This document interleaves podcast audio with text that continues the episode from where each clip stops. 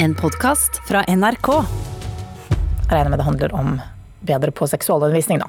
En sex, ja. Jeg tror også det, Anne. ja.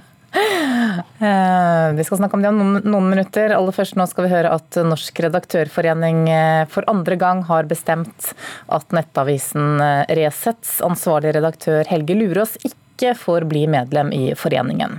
Styret i foreningen mener rett og slett at han ikke oppfyller vilkårene for medlemskap. Det betyr at Redaktørforeningen ikke anerkjenner Nettavisen. Det sier en medieviter.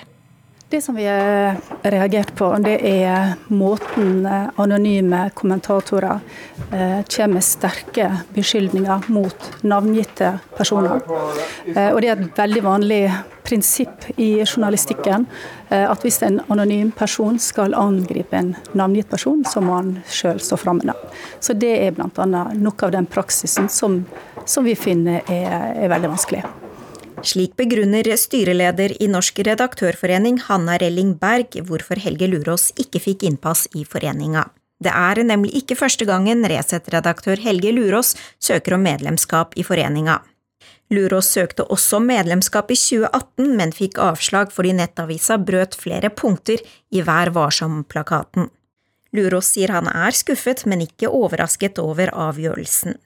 Altså Ut fra den dialogen vi har hatt nå eh, i løpet av de siste månedene, så forsto jeg egentlig at de bare lette etter argumenter for å holde, holde oss ute.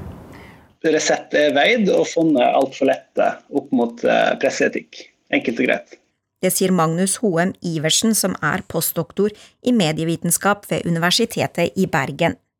Han mener det er et kvalitetsstempel å være medlem av Redaktørforeninga. Det er jo på en måte en slags symbolmarkering. Eh, journalistikk er jo ikke en beskytta tittel, på noen slags måte. Derfor har man sånne ordninger som eh, medlemskap i Redaktørforeningen, man har PFU, som på en måte skal trekke opp noen sånne symbolske grenser, da, som hvem som er inne og hvem som er ute. Hvem som driver med ekte journalistikk, i anførselstegn, og hvem som ikke gjør det. Men Iversen tror ikke ekskluderingen fra Redaktørforeningen vil påvirke Resets trofaste lesere. Mange av Resets lesere vil nok tenke at uh, dette er ikke så farlig. Det er, Resett er bedre enn på en måte eliten i de tradisjonelle mediene. Uh, som også er på en måte en fortelling som, som går litt igjen på den nettsiden. Men hva skal til for at Resett kan bli medlem i Redaktørforeninga? Det de la vekt på denne gangen, var bruken av eh, anonyme kommentatorer som kommer med krasse angrep, eller hard kritikk, da, mot eh, navngitte enkeltpersoner et eh, veldig åpenbart valg er å slutte med det. Lurås mener det norske meningsklimaet gjør det vanskelig å stå fram med meninger under fullt navn, og at de derfor ikke kommer til å endre praksisen med anonyme kommentatorer med det første. Gitt det meningsklimaet som er i Norge, så kommer vi til å fortsette med det. Men det betyr ikke at vi ikke kan se på noen av de formuleringene og, og på en måte hvor skarpe en del av de tekstene er. Det, det er en kontinuerlig vurdering vi gjør. Det sa redaktør Helge Lurås. Reporter var Menever Gildis. Hvis du er en av de som uh, bruker Netflix for underholdning, så har du sikkert sett at der går det for tiden en eh, serie som heter Sex Education. Sesong to er ute nå. Og den har jo blitt rost bl.a. fordi den er flink til å fremstille sex på en realistisk måte.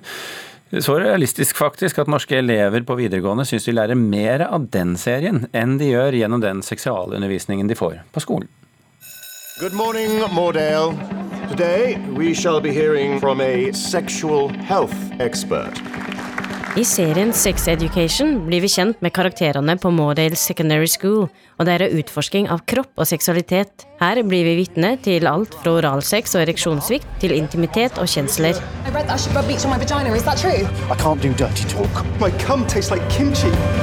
Den britiske komiserien har blitt veldig populær, spesielt blant de unge.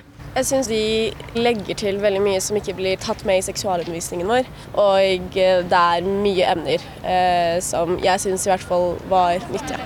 Ei kartlegging fra i fjor bestilt av staten syner at det er stor variasjon på kvaliteten på seksualundervisninga i skolen, og at ungdom ønsker å lære mer om kjensler og grensesetting.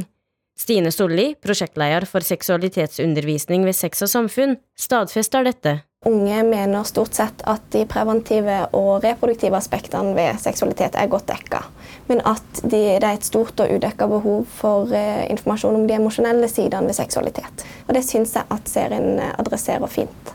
Utdanningsdirektoratet har gjort flere grep for å bedre seksualundervisninga, annet gjennom det tverrfaglige emnet folkehelse og livsmestring, som trer i kraft høsten 2020. Serier som Sex Education bør heller ses på et supplement, sier Solli. Ja, I forhold til mange andre kilder så er det et veldig fint og etterlengta supplement. Men kan ikke helt erstatte den seksualitetsundervisninga vi også trenger i, i skolen. Reporter her, det var Oda Elise Svelstad. Så skal vi til en historie fra 1997, faktisk. Da ble et kunstverk av den østerrikske kunstneren Gustav Klimt meldt stjålet fra et italiensk kunstgalleri. I desember i fjor så ble det funnet, og nå er det en overraskende ny tvist i denne saken, reporter Knut Øyvind Hagen? Ja, det kan man trygt si. For enken til den avdøde gallerisjefen blir etterforsket i forsvinningssaken, og hun har blitt avhørt av politiet. Det er The Guardian som melder dette, og politiet har også ransaket boligen til enken, og det er jo mildt sagt oppsiktsvekkende. Du må minne oss på, da, eh, for de som ikke er spesielt bevandret i billedkunstverdenen, hvem var Gustav Klimt? Han var en art nouveau-maler fra Wien eh, som hovedsakelig virket på begynnelsen av 1900-tallet. Hans fokus var på kvinnekroppen, og også dette verket som det er snakk om, var av en kvinne. Det heter 'Portrait of a Lady'. Portrett av en kvinne. Ja, og Vi må kunne si at dette her er en helt spesiell sak? Ja, det er mange merkelige omstendigheter rundt den. Altså, Dette verket ble funnet gjemt i en vegg i det samme kunstmuseet hvor det ble meldt eh, stjålet. Og det ble funnet av to gartnere som jobbet med å fjerne en klatreplante.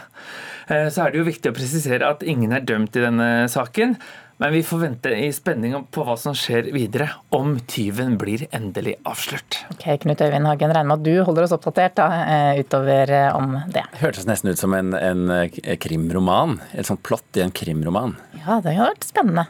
Men vi har eh, tenkt til å snakke om plotter i krimromaner nå, fordi eh, hvis jeg sier navnet Shard Lake, så er det sikkert mange krim- og historieinteresserte som nikker eh, gjenkjennende. Shard Lake, en eh, idealistisk, men likevel ganske gatesmart sakfører i romanene til den britiske forfatteren CJ Sansom. Han tar oss eh, tilbake til Henrik den 8.s tid, den som vi kaller Tudor-tiden, altså på 1500-tallet en gang. Han har også høstet ros eh, fra lesere, kritikere og prisjuryer for romanene om denne pukkelryggede Shardlake som må løse den ene floken etter den andre. Sju bøker har det blitt så langt, og den sjuende den er nå ute på norsk eh, under tittelen Opprør. og Derfor har vi fått i studio litteraturkritiker Marta Norheim, god morgen. God morgen. Hva slags opprør snakker vi om? Du, der står sauen i sentrum. Sauen? Sauen. Eh, for det hadde seg slik at eh, ja, nå er vi etter Henrik den 8. død, eh, et par år etter. Og da oppsto det et bondeopprør fordi at landeiere begynner å gjøre inn allmenningen, der vanlige folk hadde kveget sitt gående. Og Grunnen til at landeierne gjorde det, var at det var så grådig god pris på ull. For at nå er vi jo inne i en tid da da de begynner å, å spinne og veve for uh, storproduksjon, eksport osv. Så, videre. så mye å tjene for landeiere der. Og så satte de gjerde rundt allmenningen. Det førte jo til ganske vanskelige kår for folk.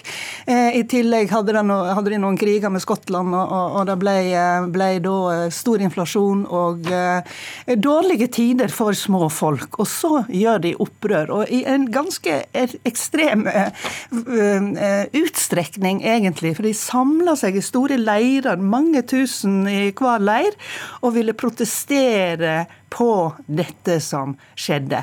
Og inn i dette her havna da litt uforvarende egentlig han eh, Shadleik, og det blir jo drama både for han og for oss. Men havner inni der på hvilken side da? Ja, altså han er jo av stand del av overklassen, og stender er jo viktig i dette samfunnet her, så er han samtidig en idealist. Og når han ser med egne øyne hvordan folk har blitt behandla og hører historiene, så blir han mer og mer overbevist om at eh, de har en veldig god sak. Men han er nok ikke sikker på om de har en veldig god metode. Eh, fordi at disse bøndene de tenker at hvis de bare får snakka med kongens protektor, heter det, altså kong Edvard regjerer, han er 10-11 år, så det er en protektor, Somerset, som som er kongens representant. Og de tenker Hvis de bare får snakka med kongen om at eh, landeiere bryter kongens lover, så vil ting ordne seg. Mens, eh, mens Shadleik er vel litt mer eh, kynisk eller erfaren enn som så, og tenker at storfolket vil stå sammen mot, mot, dette veldige presset, og det kan bli riktig blodig. Så, så Shadleiks rolle blir på en måte å, å prøve å minimere Eh, de uheldige konsekvensene for folk og for seg sjøl. Høres nesten ut som en sånn slags eh, historiebok. Vel ja. så mye som en krimroman? Ja, det kan du si. Altså, dette er jo 750 sider, og, og selve krimplottet holder seg gjennom mesteparten av de sidene. Men det er også en veldig brei eh, fortelling. Eh, Sansom er både jurist og historiker, og det merker du. Altså, han mm. kan dette stoffet så utrolig bra.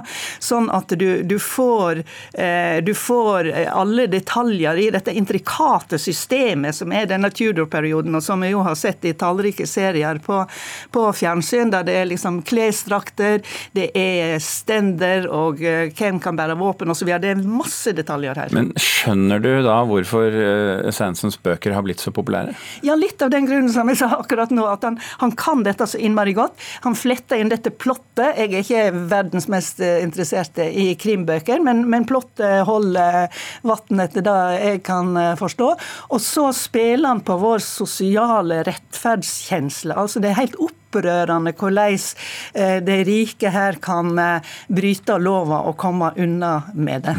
CJ Sansoms eh, sjuende bok, altså 'Opprør', eh, oversatt må vi jo ta med da, av eh, Lars Erik Sørbotn. Og så blir det mer om både opprør og andre aktuelle bøker i programmet Åpen bok fredag klokken 11. Marta Norheim, takk skal du ha.